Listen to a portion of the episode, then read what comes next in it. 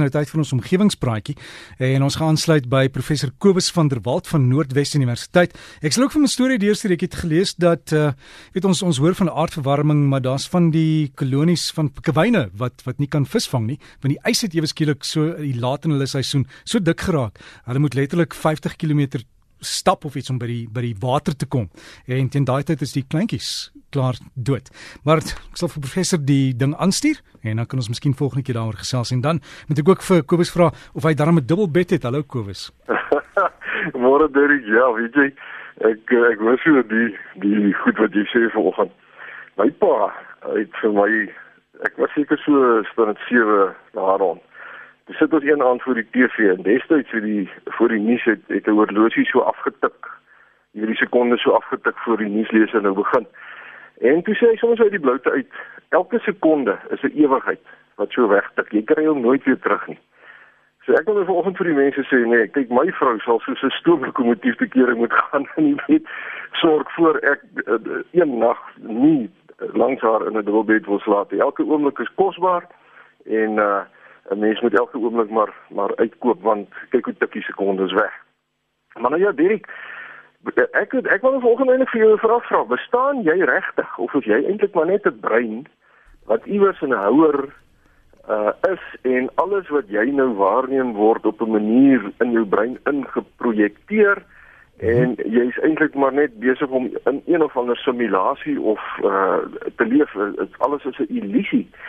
En met ander woorde bestaan die storielyn soos wat uh, in in die rolprent The Matrix was dalk regtig. Dit staan nie aarde werklik. Jy is jy ja. seker jy bestaan. ja, ek ek weet nie uh, professor ek ek dink moontlik wat ek kan voel maar selfs ding is jy op die pad ry die omgewing het verby jou motor gaan staan jy net dalk stil en daar's hierdie gevoel van beweging en alles om jou is net 'n realiteit wat daar geskep word wat jy dit kan sien. Ja, jy sien dit hierdie goed is is nogal moeilik. Wat bestaan en wat bestaan nou nie? Nou hierdie vraag kan nou miskien belaglik klink, maar dit hou die mensdom al vir millennia lank besig. En die eerste persoon wat tot die gevolgtrekking gekom het dat ons werklik bestaan, so dink ek kan ons span jy bestaan.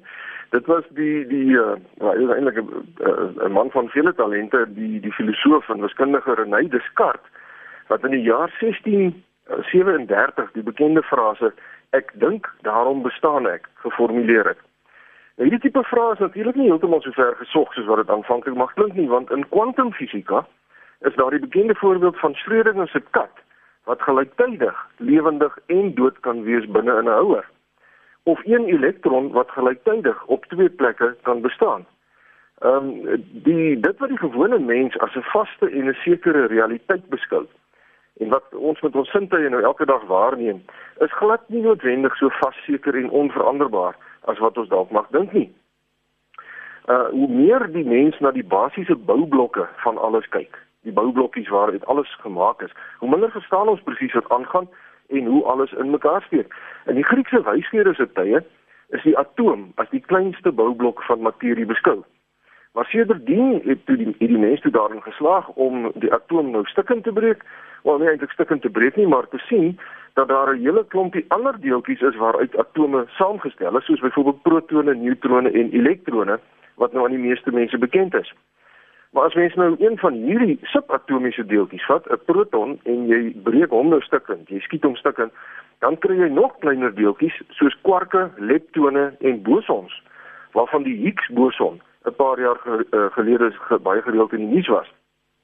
Nou presies wat die funksie van al hierdie deeltjies is en hoe hulle mekaar steek en hoe hulle mekaar beïnvloed om dit wat die mens nou as die realiteit ken te vorm. Is op hierdie stadium nog onduidelik want daar is verskeie teorieë hieroor soos byvoorbeeld die stringteorie of parallelle heelalle waarin alle moontlike permutasies van die werklikheid voorkom. So met hierdie agtergrond in gedagte, wie sê dat dit wat elke mens as die werklikheid beleef nou regtig bestaan soos wat ons dink dit bestaan? Nou ja, mense wat hulle kop hieroor wil breek, uh, ek het vanoggend vir die goeie nuus wat ons almal gerus kan stel en dit is dat navorsers aan die Instituut vir Fisika aan die Hebreëse Universiteit in Israel, tesame met 'n span van Oxford in Brittanje, onlangs bevind het dat mense werklik lewe en dat die werklikheid wat ons elke dag rondom ons waarneem met ons sintuie werklik bestaan en nie 'n rekenaar simulasie of 'n illusie kan wees nie. Hierdie eenvoudige feit klink dan eh, dalk nou belaglik, maar dit slaat nie so van so sprekend as mens kyk na die vreemde gedrag van materie op die kwantumvlak nie, die baie klein vlak nie. Nou hoe het hierdie ouens nou bepaal dat die realiteit wat ons beleef wel die werklikheid is? Hulle het eintlik heel per ongeluk agtergekom toe hulle probeer het om wiskundige modelle saam te stel van anomalieë wat aanleiding kan gee tot die soort goed wat ons nou in wetenskap fiksie rolprente sien, soos byvoorbeeld wormholes of dan openinge in ruimtetyd wat ruimteskepe in staat stel om 'n tipe kortpad te neem na ver afgeleë gedeeltes van die heelal. Nou die twee navorsers was spesifiek besig om die sogenaamde quantum Hall effek te probeer modelleer waar subatomiese deeltjies besonder vreemd optree. As jy 'n metaal afkoel tot naby aan die absolute nulpunt en dan 'n elektriese stroom deur die metaal stuur in die teenwoordigheid van 'n sterk magnetiese veld. Nou in ons alledaagse vlak van bestaan is 2 + 2 4, maar in die kwantumwêreld is 2 + 2 nie noodwendig 4 nie, want die subatomiese deeltjies tree voorwaar baie vreemd en onvoorspelbaar op. En die navorsers het probeer om beter te verstaan wat daar aangaan. Nou in die proses om hierdie effekte probeer modelleer, het hulle wiskundige metodes wat bekend staan as Monte Carlo simulasies toegepas. En hierdie tipe metodes word gebruik in gevalle waar komplekse stelsels wat nie direk oplosbaar is nie deur middel van willekeurige steekproefneming bestudeer word. En die navorsers het toe agtergekom dat dit wel moontlik is om enkele deeltjies se gedrag te bestudeer met 'n rekenaar en te modelleer, maar vir elke volgende deeltjie wat jy nou byvoeg, word die simulasie eksponensieel meer kompleks. So vir elke bykomende subatomiese deeltjie is die simulasie twee keer so kompleks as van tevore. En hierdie feit het hulle laat besef dat daar nie net geen rekenaar bestaan wat alle deeltjies wat ons as mense waarneem kan simuleer nie, maar dat daar nie eers genoeg atome in die heelal is wat nodig sal wees om 'n rekenaar te bou wat nou kragtig genoeg sal wees om alles wat die mens met sy sintuie waarneem te simuleer nie. So vir die van u wat tot nou toe nog gewonder het of u regtig bestaan en in werklikheid regtig bestaan, daar is dit nou. U bestaan regtig en die aarde bestaan regtig en aspekte soos temperatuurmetings en die konsentrasies van verskillende gasse in die atmosfeer bestaan regtig en die uitwissing van biodiversiteit deur menslike aktiwiteite bestaan regtig en die vreeslike storms wat Gauteng en Durban die afgelope week getref het, bestaan werklik. Niks hiervan was rekenaarsimulasies wat u waargeneem het terwyl u dalk iewers halfbewusteloos of willoos in 'n vegetatiewe staat verkeer het nie. En die implikasie hiervan is natuurlik dat net so werklik as wat die skade aan die omgewing is wat deur menslike aktiwiteite aangerig word, net so werklik moet ons pogings wees om hierdie invloede te bestry en die omgewing in stand te hou. Want die lug wat ons inasem, die kos wat ons eet en die water wat ons drink bestaan werklik. En as dit op is, dan gaan ons dood. Dit is so eenvoudig so dit. En ons werklikheid is nie 'n rekenaarprogram waarvan die veranderlikes maklik verander kan word as dinge skeefloop nie.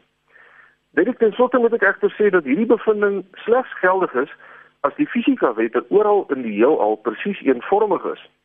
En as daar nie dalk tog iewers superwesens is wat kwantumrekenaars reeds vervolmaak het nie. Want kwantumrekenaars sal dalk tog wel moontlik die vermoë hê om sulke komplekse simulasies te kan hanteer. Miskien droom ons maar net almal dat ons ver oggend wakker geword het. En daarmee sluit ek af vanoggend.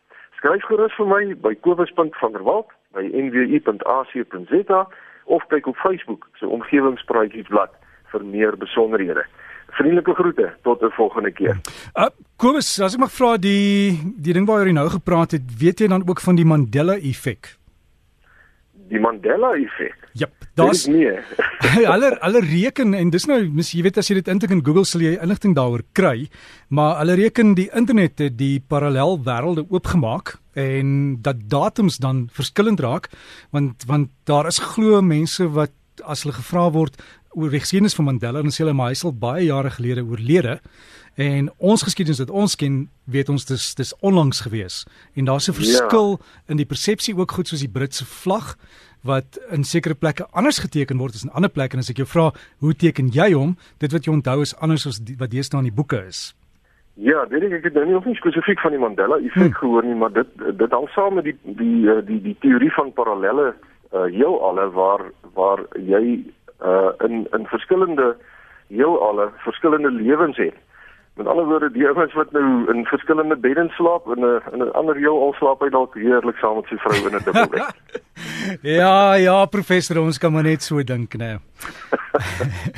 en as as mense inligting oor oor dit dalk het, het gaan plaas op die Facebook bladsy. Ja, nee, mense is baie welkom om daar uh goeder te gaan plaas. Ek moet daarom sê Derek, ek is eintlik op hierdie terrein van die kwantum goed. Ek stel baie daaraan belang, maar ek is 'n totale leek. Ehm um, die goeder is ver bo kan my firma plek. Uh maar as daar mense is wat dit in in eenvoudige taal uh en interessant kan aanbied, asseblief, jy weet, sit dit op die op die Facebook bladsy. Ons ons almal lees baie graag saam daar. So gesels ons met professor Kobus van der Walt van Noordwes Universiteit en die Facebook bladsy is omgewingspraatjies, die meervoud omgewingspraatjies en jy kan net daardie boodskap stuur of e-pos Kobus met 'n K, kobus.vanderwalt by nwu.ac.za